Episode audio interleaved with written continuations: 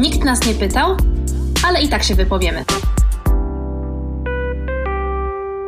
Dzień dobry, dzień dobry, drogie słuchaczki i drodzy słuchacze. Z tej strony Kasia. Mam dzisiaj przyjemność gościć w moim studiu kuchennym Aleksandrę Gierczyk, psycholożkę, która pracuje pro bono w Centrum Praw Kobiet i właśnie o tym centrum i o jego działaniach będzie nam dzisiaj opowiadać. Oprócz tego Ola pracuje też w poradni Monar, gdzie specjalizuje się w terapii wspomagającej przy uzależnieniach. Czy chciałabyś Olu, coś dodać do swojego profilu? O uzależnieniach, ale też, e, też pracuję z osobami, w których po prostu w rodzinach jest e, jakiś problem uzależnienia. Mhm. Czyli z partnerkami, partnerami albo dziećmi osób, które mają problem z uzależnieniem. Mhm. A powiedz mi, jak trafiłaś do Centrum Praw Kobiet? Generalnie ten oddział tutaj w Poznaniu działa mniej więcej od października, listopada 2020 roku. Ja trafiłam do Centrum Praw Kobiet właściwie na Facebooku się o tym dowiedziałam i w styczniu się zgłosiłam, żeby współprowadzić grupę wsparcia mhm. z Zofią Czerwińską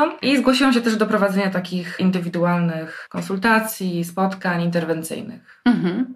Okej, okay, czyli już kilka miesięcy pracy w Centrum Praw Kobiet jest za tobą. Tak. I jakie wrażenia? No ja jestem bardzo zadowolona z tej, z tej współpracy, bo myślę, że, że rzeczywiście jest olbrzymia potrzeba, żeby, mhm. żeby takie centrum było w Poznaniu. Mhm. To centrum właściwie nie służy tylko tutaj lokalnej społeczności Poznania, ale też właściwie w ogóle zgłaszają się do nas też kobiety z Wielkopolski. Okej. Okay. Mówiłaś mi też, że właśnie cieszysz się, że tam trafiłaś, bo czujesz, że ta praca ma właśnie ogromny sens, nie? Mhm. Tak, ja myślę, że jest wiele sytuacji, w których kobiety boją się o tym mówić w swoim mhm. otoczeniu.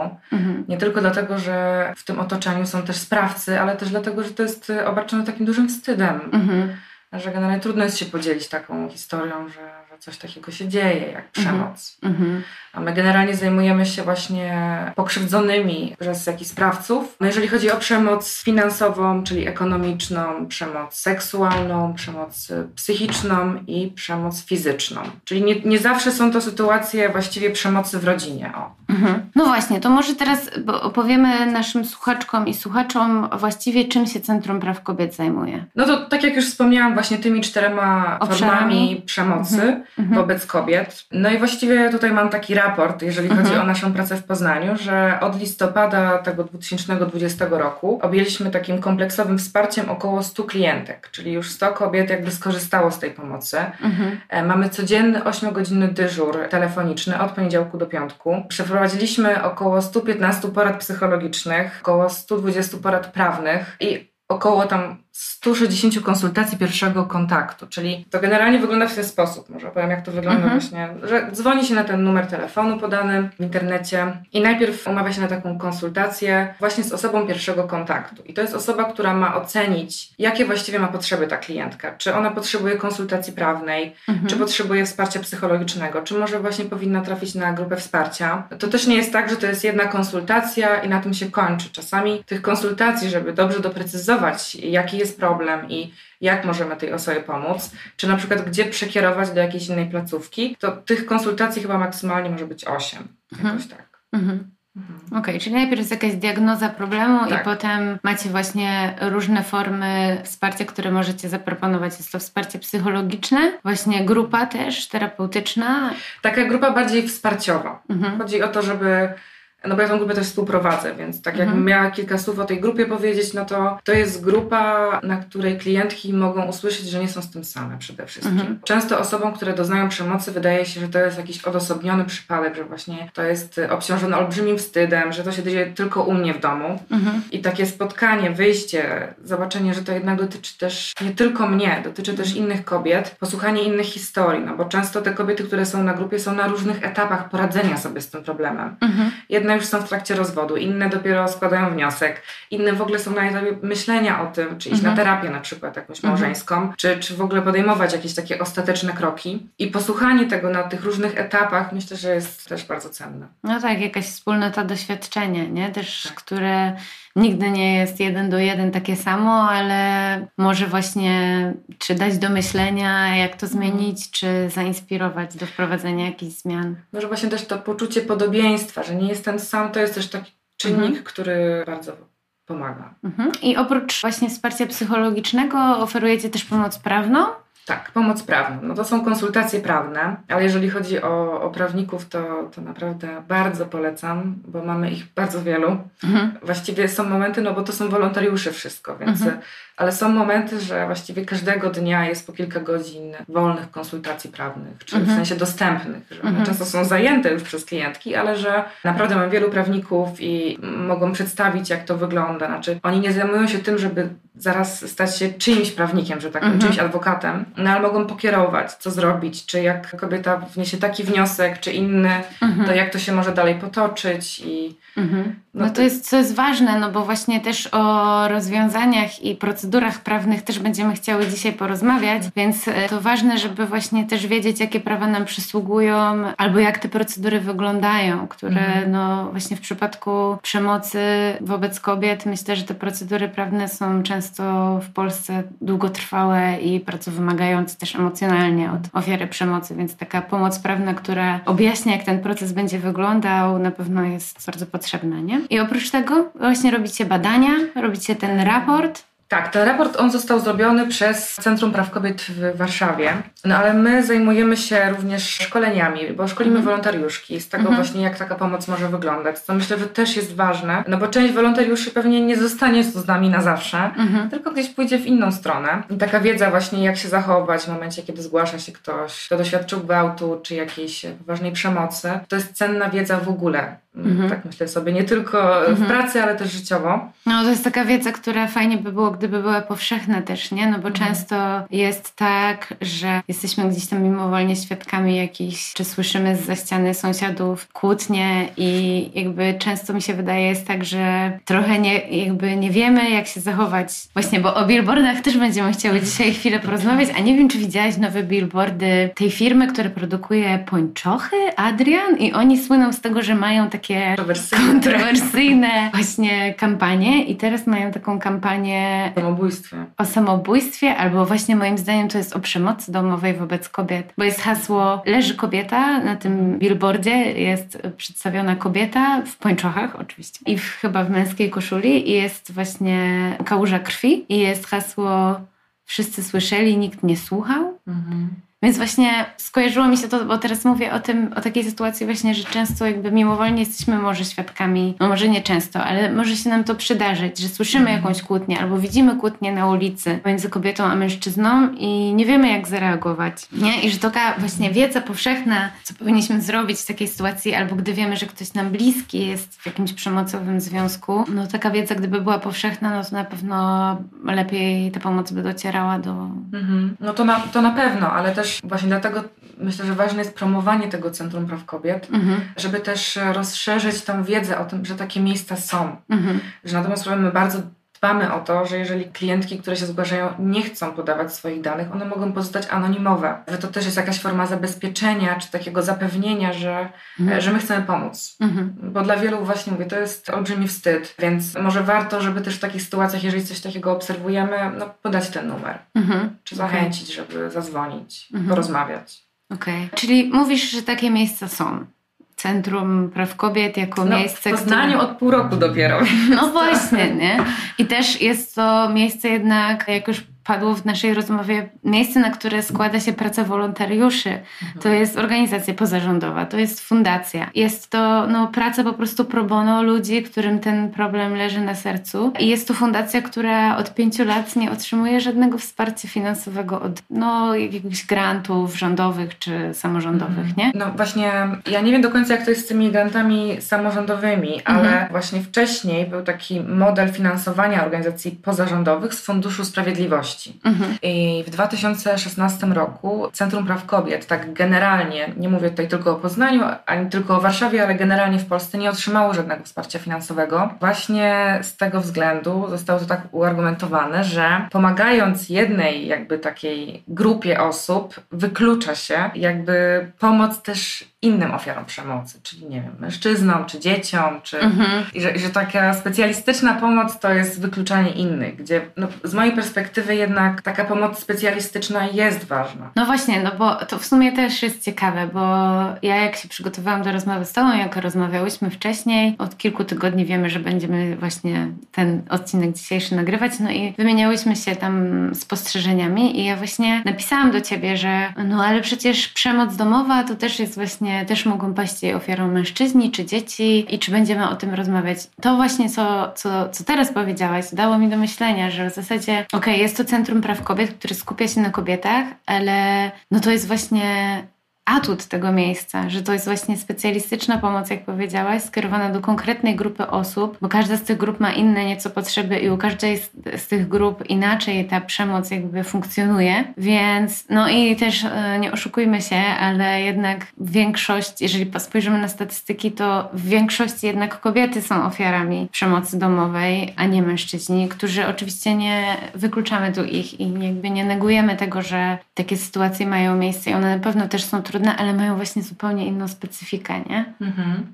Tam pewnie wstyd jest jeszcze większy, tak mi się wydaje. Pewnie tak, ale też przyznam szczerze, że nie mam za dużej wiedzy na ten temat. Mhm że jest niewiele badań w ogóle takich rzetelnych odnośnie tego, jaka jest skala zjawiska, takich mhm. aktualnych, mhm. jeżeli chodzi o Polskę, mhm. E, w tych różnych dziedzinach, czyli jeżeli chodzi o przemoc seksualną, że wszystko zależy od tego, jeżeli to zgłaszamy, no to wtedy to jest gdzieś zaznaczone, mhm. ale jeżeli tego nie zgłaszamy, to właściwie my możemy mówić o jakichś abstrakcyjnych liczbach. Tak samo jest w przypadku mężczyzn, że my właściwie, ja, ja nie mam takiej wiedzy i też właściwie nawet nie szukałam takich badań, ale rzeczywiście, jeżeli chodzi o przemoc wobec kobiet, czy w ogóle przemoc domową, to że bardzo często często to jest, właściwie to tak wygląda w Polsce, że jest brane pod uwagę jako dysfunkcjonalność relacji w rodzinie. Mhm. Czyli bierze się pod uwagę cały system, czyli chce się zwalczyć, nie wiem, czy to jakieś uzależnienia, czy to jakieś inne trudne zachowania i że bardziej się patrzy na to z tej perspektywy, niż z perspektywy tego, że jest to naruszenie praw człowieka mhm. i jest to dyskryminacja ze względu na płeć. Mhm. No właśnie. I tu jest ta różnica, że właśnie ta konwencja stambulska bardziej jednak kładzie nacisk na to, żeby patrzeć na to jak na łamanie praw człowieka. Mhm. A z perspektywy Polski i właśnie tych, którzy atakują tą konwencję, chodzi o ratowanie rodziny, mhm. gdzie nie zawsze jest to rzeczywiście no, skuteczne ani pomocne. No właśnie, to pomówmy chwilę o tym, bo konwencja stambulska jest w tej chwili pod ostrzałem trochę właśnie tradycjonalistów i obrońców prawdziwej rodziny. Żeby było jasne, o czym mówimy, to dopowiem, że pod koniec marca został skierowany do obrad parlamentarnych projekt, który się nazywa taki społecznie wypracowany właśnie przez środowiska właśnie takie konserwatywne. I ten projekt nosi nazwę Tak dla rodziny, nie dla gender i między innymi właśnie jego celem jest wycofanie się Polski ze stosowania konwencji stambulskiej, która no właśnie przede wszystkim ma na celu walkę z tą przemocą nie tylko domową, ale właściwie przemocą wobec kobiet głównie chyba, nie? I dlaczego to jest taki problem i w ogóle też, co jest zaskakujące i paradoksalne i w ogóle nieśmieszne, bo się tak zaśmiałam, a to w ogóle nie jest nic śmiesznego. W zasadzie to Polska zamiast wycofywać się z konwencji stambulskiej, powinna raczej popracować nad tym, żeby w pełni wprowadzić ją w życie. Polska podpisała tą konwencję, jakby zobowiązując się do stosowania jej zasad i strategii właśnie zwalczania przemocy już dobre kilka lat temu, a cały czas polskim prawie są takie zapisy, które sprawiają, że nie do końca ta konwencja stambulska jest mhm. przestrzegana, nie? I wiem, że masz na ten temat kilka przykładów. Mhm. No, no, właśnie takim jednym z przykładów jest to, że taka ustawowa definicja w ogóle przemocy, czy, czy znęcania się fizycznego lub psychicznego, jakby nie na przykład nie bierze pod uwagę przemocy ekonomicznej. Mhm.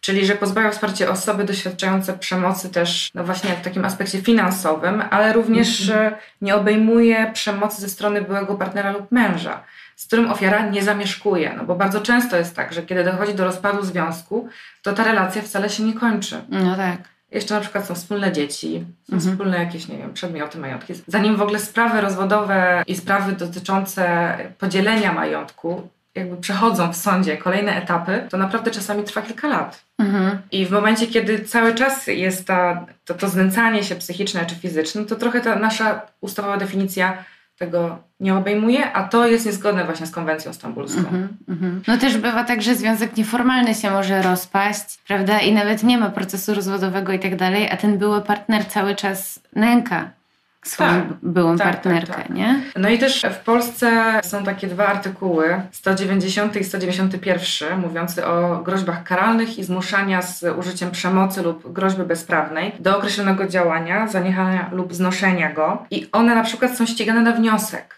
czyli że nie są ścigane z urzędu. Mhm. Co powoduje, że jeżeli pokrzywdzony nie, czy pokrzywdzona nie zgłosi tego, mhm. to właściwie nie jest w ogóle wszczęte postępowanie. I to też jest niezgodne z tą konwencją stambulską. No tak. Bo to jest właśnie przerzucenie właściwie odpowiedzialności karnej Dokładnie. na pokrzywdzonego mhm.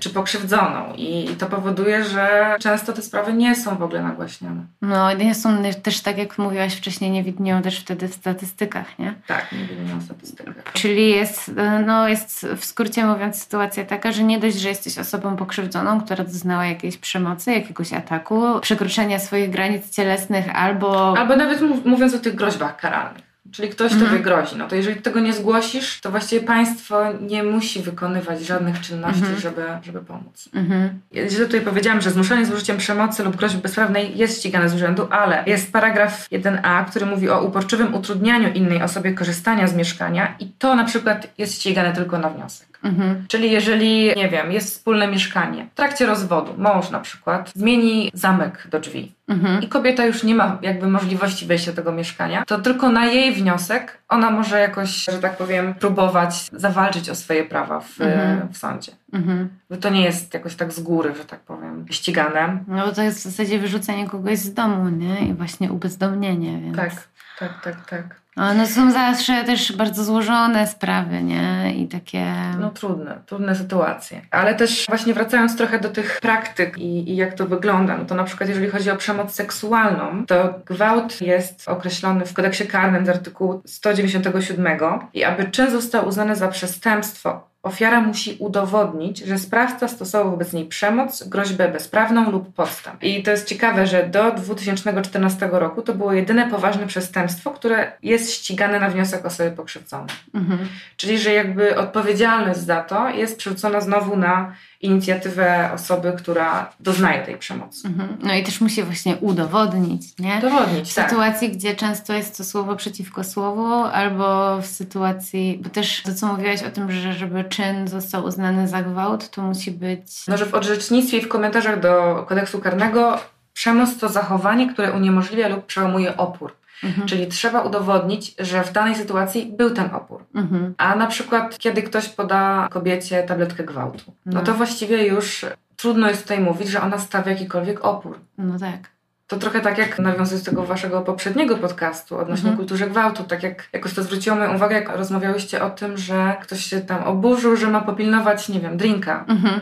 No, że to jest właśnie taka sytuacja, że to może być ten no nie wiem, jako argument na opór, że dało się komuś drinka do popilnowania, chociaż nie sądzę, żeby jakikolwiek mhm. sąd brał to pod uwagę, nie? No właśnie. To są sprawy właśnie bardzo często trudne po prostu do udowodnienia, a gdzie cała odpowiedzialność właśnie za przekonanie sędziów do swojej niewinności, do tego, że się stało ofiarą, jeszcze też właśnie spada na, ten ciężar tej pracy spada właśnie na ofiarę, nie? Tak, no i też tak w praktyce bardzo niewiele pokrzywdzonych rzeczywiście się zgłasza. Hmm. Z tego też względu, że sprawcy zastraszają pokrzywdzone. Czyli, nie wiem, właśnie jakieś groźby, że, że nie wiem, że jakaś zemsta się dokona, jak one to zgłoszą. Hmm. Ale też jest bardzo dużo lęku, że ta procedura w ogóle zgłoszenia postępowania będzie na tyle poniżająca, czy jakoś uwłaczająca, no bo te warunki nie są na tyle korzystne dla osób pokrzywdzonych, czyli nie ma jakichś specjalnych pomieszczeń na przykład do tego. Nie zawsze te zeznania są prowadzone prowadzone przez funkcjonariuszki, tylko często mężczyźni to e, mhm. przeprowadzają takie zeznania, czy zbierają te zeznania. No i to też powoduje, że, że kobiety bardzo rzadko zgłaszają te, mhm. te sytuacje. Ale też jest taka duża niewiara w skuteczność tego systemu prawnego. A czy w Centrum Praw Kobiet zajmuje się też czymś takim, żeby właśnie szkolić funkcjonariuszy i funkcjonariuszki? Tak, my tutaj w Poznaniu mamy zaplanowane na maj takie mhm. szkolenie. No i też właśnie mieliśmy rozmowę z Nasza kierowniczka Anna Świątkowska-Gałkiewicz też miała właśnie rozmowę z, policją, właśnie o tym, żeby w ogóle oni też wiedzieli, że są takie centra praw kobiet, no bo mhm. ważna jest też ta reklama, żeby mhm. jakby uświadamiać, że takie miejsce jest, gdzie mogą też odesłać kobietę, która potrzebuje takiej darmowej e, mhm. konsultacji, czy to prawnej, czy psychologicznej. No, ale właśnie też tak sobie pomyślałam, że przeszkolenie właśnie funkcjonariuszy i uwrażliwienie ich na ten problem, na to, że to są, no na pewno sobie zdają sprawę z tego, że to są sytuacje bardzo trudne, że są bardzo specyficzne, zależą w dużej mierze od tego, jak się, jaka jest dynamika relacji właśnie w rodzinie czy w danym związku, nie? I że nigdy, nigdy nie ma jakiejś takiej reguły, że zawsze jest tak. A wydaje mi się, że często też jakby padają taką, że są łatwym takim e, łupem dla stereotypów i że poddają się taki, takiej sile stereotypów, nie? Że na przykład widzą właśnie zadbaną kobietę, to sobie myślą, a dobra, tu jest wszystko ok, nie ma tu żadnej przemocy, nie? Tak, a te właśnie mity i stereotypy to też jest właśnie jakoś w tym raporcie uwzględnione, że mhm. one bardzo mocno wpływają na decyzje później funkcjonariuszy policji o wszczęciu postępowania albo prokuratorów nadzorujących przebieg tego postępowania, czy na przykład decydujących o umorzeniu sprawy. No a na końcu już to wpływa też na sędziów, którzy orzekają w sprawach karnych i rodzinnych. No, a stereotypy są przeróżne. Na przykład, że jak kobieta ma wyższe wykształcenie, no to że właściwie dlaczego wcześniej nie zgłosiła tej sprawy. I znowu jakby wtórna wiktymizacja, czyli Dokładnie. no mogła coś powiedzieć. Tak, nie? mogła zareagować. Przenoszenie odpowiedzialności za sytuację na ofiary. Tak, albo to jest takie ciekawe, że na przykład odnośnie ofiar przemocy domowej panuje taki stereotyp, że ona powinna być bierna, bo inaczej jest to uwzględniane jako przemoc wzajemna. I dochodzi do takich sytuacji, że kobieta na przykład zgłasza sytuację na policję i chce założyć niebieską kartę. Policja przyjeżdża na miejsce, a sprawca przemocy mówi, że on też został jakoś, nie wiem, uderzony czy popchnięty przez tą kobietę i on też chce na nią założyć niebieską kartę. Mhm. I to jest właśnie trochę problem tej niebieskiej karty, że każdy mhm. na każdego może ją założyć. Mhm. A niebieska karta jak działa dokładnie? Bo ja w sumie nie wiem. A niebieska karta działa w ten sposób, że to trzeba zgłosić na policji i jeżeli funkcjonariusz jakoś zdecyduje się założyć tą niebieską kartę, no to wtedy zbiera się taki zespół interdyscyplinarny. I w skład tego zespołu czasami wchodzą kuratorzy, prokuratorzy, ale też właśnie psycholog czy terapeuta uzależnień. No i jakby dalej jest to trochę w rękach tego zespołu interdyscyplinarnego. Mhm. Tylko no, wyobraźmy sobie, jak wiele jest takich zgłoszeń, jak często ta karta jest zakładana, mhm. no to wydaje się, że ten zespół musiałby właściwie codziennie obradować i zastanawiać mhm. się i podejmować kolejne decyzje. Przy czym ten zespół nie ma też, tego co wiem, takich środków prawnych, które wymuszałyby, że później ten, ta osoba, ta sprawca ma się zgłosić do nich. Mhm. Czyli nie mają właściwie trochę narzędzi do tego, żeby działać. Czyli dają jakieś rekomendacje, ale nie. Tak nie da się tego jakby do końca tak e, przypilnować, żeby to zostało wcielone tak, w życie. Tak, dokładnie. Tak, no i, i wtedy też trochę może to służyć temu, że właściwie sprawcy nie są do końca jakoś pociągani do winy, czy jakoś hmm. pociągani do odpowiedzialności za swoje czyny, no bo bardziej chodzi o to, żeby zadbać o rodzinę. Hmm. Ten zespół interdyscyplinarny ma w ogóle zbadać, co hmm. się dzieje w rodzinie i ja znam wiele historii, w których ta niebieska karta pomogła, ale mhm. wydaje się, że ten system jednak ma wiele luk i że to nie zawsze działa, zwłaszcza, że ma wiele takich elementów biurokratycznych, które trochę opóźniają też tą pomoc. Mhm. No bo mhm. zanim ten zespół się zbierze, coś mhm, tam mhm. zarządzi, nie wiem, zdecyduje, no to czasami mijają naprawdę miesiące. Gdzie w zasadzie takiej sytuacji doznawania przemocy, no nie ma na co czekać, trzeba się po prostu odciąć od, od przemocowca, nie? A czy tak, ale właśnie odnośnie tego, no to w 2020 roku też można powiedzieć, że wydarzyło się coś korzystnego mhm. w tej sprawie. Zostały wprowadzone takie środki ochrony kobiet przed pomocą, w której rozszerzono cywilny nakaz opuszczenia domu o najbliższe otoczenie i dodano możliwość ubiegania się o zakaz zbliżania się do mieszkania i jego bezpośredniego otoczenia. I to daje takie uprawnienia policji, że w momencie, kiedy jest zgłaszana taka sytuacja, to policja może zatrzymać tego sprawcę przemocy na okres dwóch tygodni. Może to być oczywiście później przedłużone. Mhm. E, no i to już jest taka realna pomoc. Mhm. Czy takie realne działanie, że w tym momencie, kiedy to się dzieje, sprawca jest zatrzymany. Ale oczywiście tu też jest pewien taki szczegół, że sprawca może później złożyć zażalenie na danego funkcjonariusza policji, który jakby podejmie taką decyzję. Mhm. No i później ten funkcjonariusz policji będzie odpowiadał dalej przed swoimi przełożonymi. Mhm. Co na pewno zażalenia. sprawia, że funkcjonariusz bardzo no, chętnie na coś takiego się wystawia, nie? No, no właśnie, niechętnie raczej się wystawia, no. nie? Że, żeby, no ale... No to ciekawe, ale... że w ogóle zadbano o potrzeby przemocowca, nie? No tak, tak. W jakimś prawodawstwie, które powinno tak naprawdę naprawdę chronić ofiary. To jest mega ciekawe. No właśnie, bo nie wiem, czy tak do końca wybrzmiało też to, że rozmawiamy o konwencji stambulskiej, która w Polsce obowiązuje już od 6 lat, a została w ogóle uchwalona w 2011. Jest nadal jakby ten opór w Polsce przeciwko stosowaniu w pełni zapisów tej konwencji, który w ogóle był motywowany tym, że właśnie to ponieważ w konwencji stambulskiej znajduje się słowo gender, które jakby traktuje płeć jako płeć kulturową i zwraca właśnie uwagę na to, że w wielu przypadkach przemocy też jakby jest to, to się składa, ta przemoc jakby się łączy właśnie z dyskryminacją ze względu na płeć i z jakby z jakąś stereotypową rolą kobiety i mężczyzny, więc Chociaż tu właśnie na przykład pomyślałam sobie o tej książce Gniew Tomasza Markiewki, Markiewki tak, mhm. bo właśnie tam też jest taki fragment o sufrażystkach i że rzeczywiście nadanie praw, czy jakby zwiększenie praw mhm. danej części osób rzeczywiście trochę odbiera część praw, czy umniejsza trochę tą wielkość praw tej drugiej grupy. No, można tak powiedzieć. Można tak powiedzieć, tak bardzo teoretycznie. No, ale, no. ale jednocześnie jakby nadając komuś prawa, mhm. właściwie w jaki sposób te rodziny mają tracić. Ja tego na przykład nie rozumiem. No właśnie, ja chciałam powiedzieć, że, że się nie zgadzam z tak, tym. Że... Znaczy to było tam w tej książce tak opisane, że rzeczywiście mhm. kiedy kobiety dostały prawa wyborcze, no to to jakby umniejszyło wartość pojedynczego No umniejszyło przywilej. Tak, umniejszyło przywilej, dokładnie. Ale że to jest też takie ciekawe, że właściwie dlaczego, jeżeli kobieta miałaby mieć większe prawa w rodzinie, większe niż miała dotychczas, nie większe od mężczyzn. No właśnie.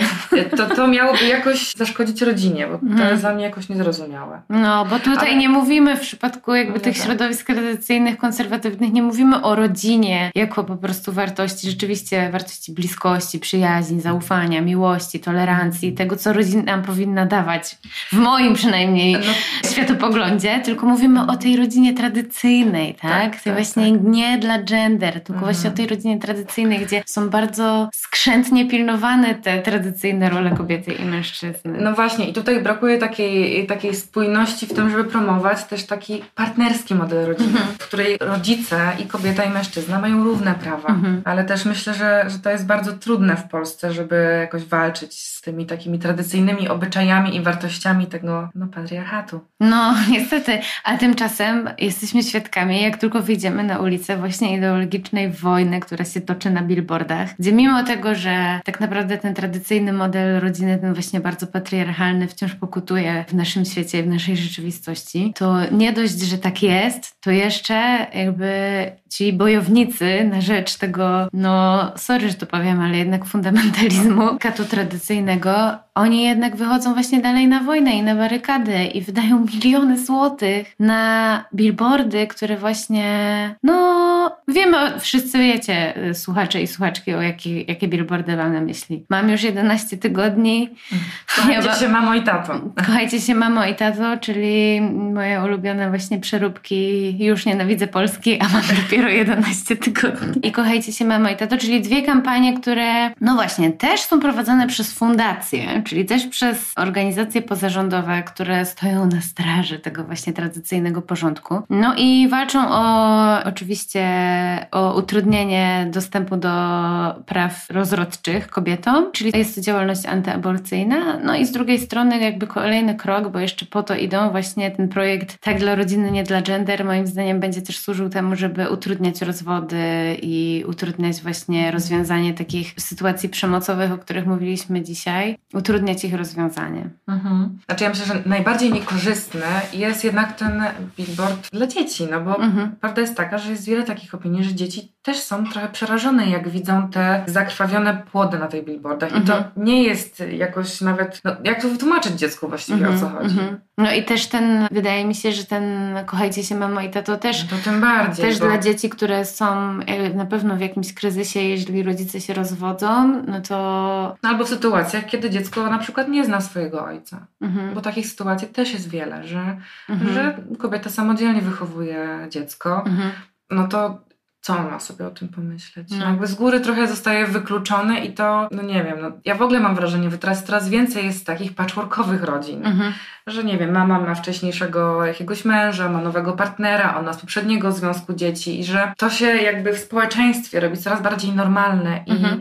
teraz jest większe przyzwolenie na taką wolność w w tym mhm. obszarze. No a trochę te plakaty jakby działają tak, no halo, no właśnie i tu z perspektywy dziecka znowu, no to kto jest moim właściwie prawdziwym tatą i mamą. Ci, Kochajcie mnie... się mamo, tato, mamo i tato i ciociu i no wujku. Właśnie, tak, ale też czy chodzi o tych rodziców, którzy mnie wychowują, którzy mhm. o mnie dbają, czy chodzi o tego mężczyzny, który jest moim ojcem biologicznym, ale nie mam z nim kontaktu od roku czy dwóch lat. No właśnie, nie. Kto Dlaczego jest? te plakaty nie mówią po prostu kochajmy się? Mhm. Ale chciałabym ale... jeszcze, żebyś mhm. powiedziała coś właśnie o tym, jako psycholożka, o tym oddziaływaniu tych wszystkich billboardów. No ja myślę, że to ma bardzo niekorzystny wpływ na dzieci, właśnie prowadzając takie pewne zamieszanie, bo ja myślę, że ta kampania mogłaby być poprowadzona równolegle, mhm. na przykład z jakimś programem w szkołach, w którym mówi się o tym, co to znaczy być w rodzinie, czym mhm. jest w ogóle ta komórka, jaką jest rodzina i jakie wartości są w tej rodzinie ważne, właśnie wzajemnego szacunku, czy jakiejś takiej równości. Mhm. Mm, I że to mogłoby pójść w tą stronę. Mhm ale to nie jest jakby równoczesne, no bo to mhm. te plakaty wiszą i właściwie trochę są takim no, wielkim znakiem zapytania, o co tu właściwie chodzi. Mhm. No a wiemy gdzieś tam w podświadomości, że chodzi raczej o to, żeby pokazać, że prawdziwa rodzina to mężczyzna i kobieta i oni mhm. mają się kochać. Tak, i oni mają się kochać. A jak działa to na przykład te właśnie plakaty, które przedstawiają jakiś płód no, na 11 tygodni, no to jest tak co, pierwszy trymestr, koniec pierwszego trymestru ciąży, no to jak taki billboard Twoim zdaniem działa na kobiety, które straciły ciążę? Nawet właśnie w tym artykule wyborczej, w którym się wypowiadałam, tam jest taki fragment, że kobieta nawet to zgłosiła, że ona straciła dziecko i że dla niej to jest bardzo niekomfortowe mhm. oglądać te billboardy. No to właśnie, że jakoś to zostało uargumentowane, nie chcę tutaj zmyślać, ale w ten sposób, że powinna o tym pamiętać i jakby, nie wiem, być w tym. A ja jednak myślę, że takie traumatyczne, trudne wydarzenia, no to jakbyśmy mieli cały czas żyć z tą myślą i w tym wydarzeniu, mhm. no to trudno będzie nam zobaczyć to, co jeszcze mamy z tego życia, czy to, co jest żywe, to, co jest mhm. obecne tu i teraz i że, że to może mieć negatywny wpływ. Takie rozpamiętywanie, nie? I przypominanie no tak, tak, na tak. każdym kroku. Mhm. No to jest ciekawe, też podlinkujemy ten artykuł, też bardzo ważny pada tam argument na temat tego, czym ta fundacja tak naprawdę, nie pamiętam dokładnie jak nazywać ta fundacja, ale chyba wspierania rodzin, czy jakoś tak. No jest to w każdym razie pro-liferska organizacja, tak? Czyli broniąca życia. W moim odczuciu, jeżeli ktoś deklaruje się jako obrońca życia i ktoś, kto o życie dba, to nie wydaje milionów złotych na kampanię ideologiczne, tylko na realną pomoc. Na przykład mógłby przeznaczyć jakąś część tych pieniędzy na Centrum Praw Kobiet.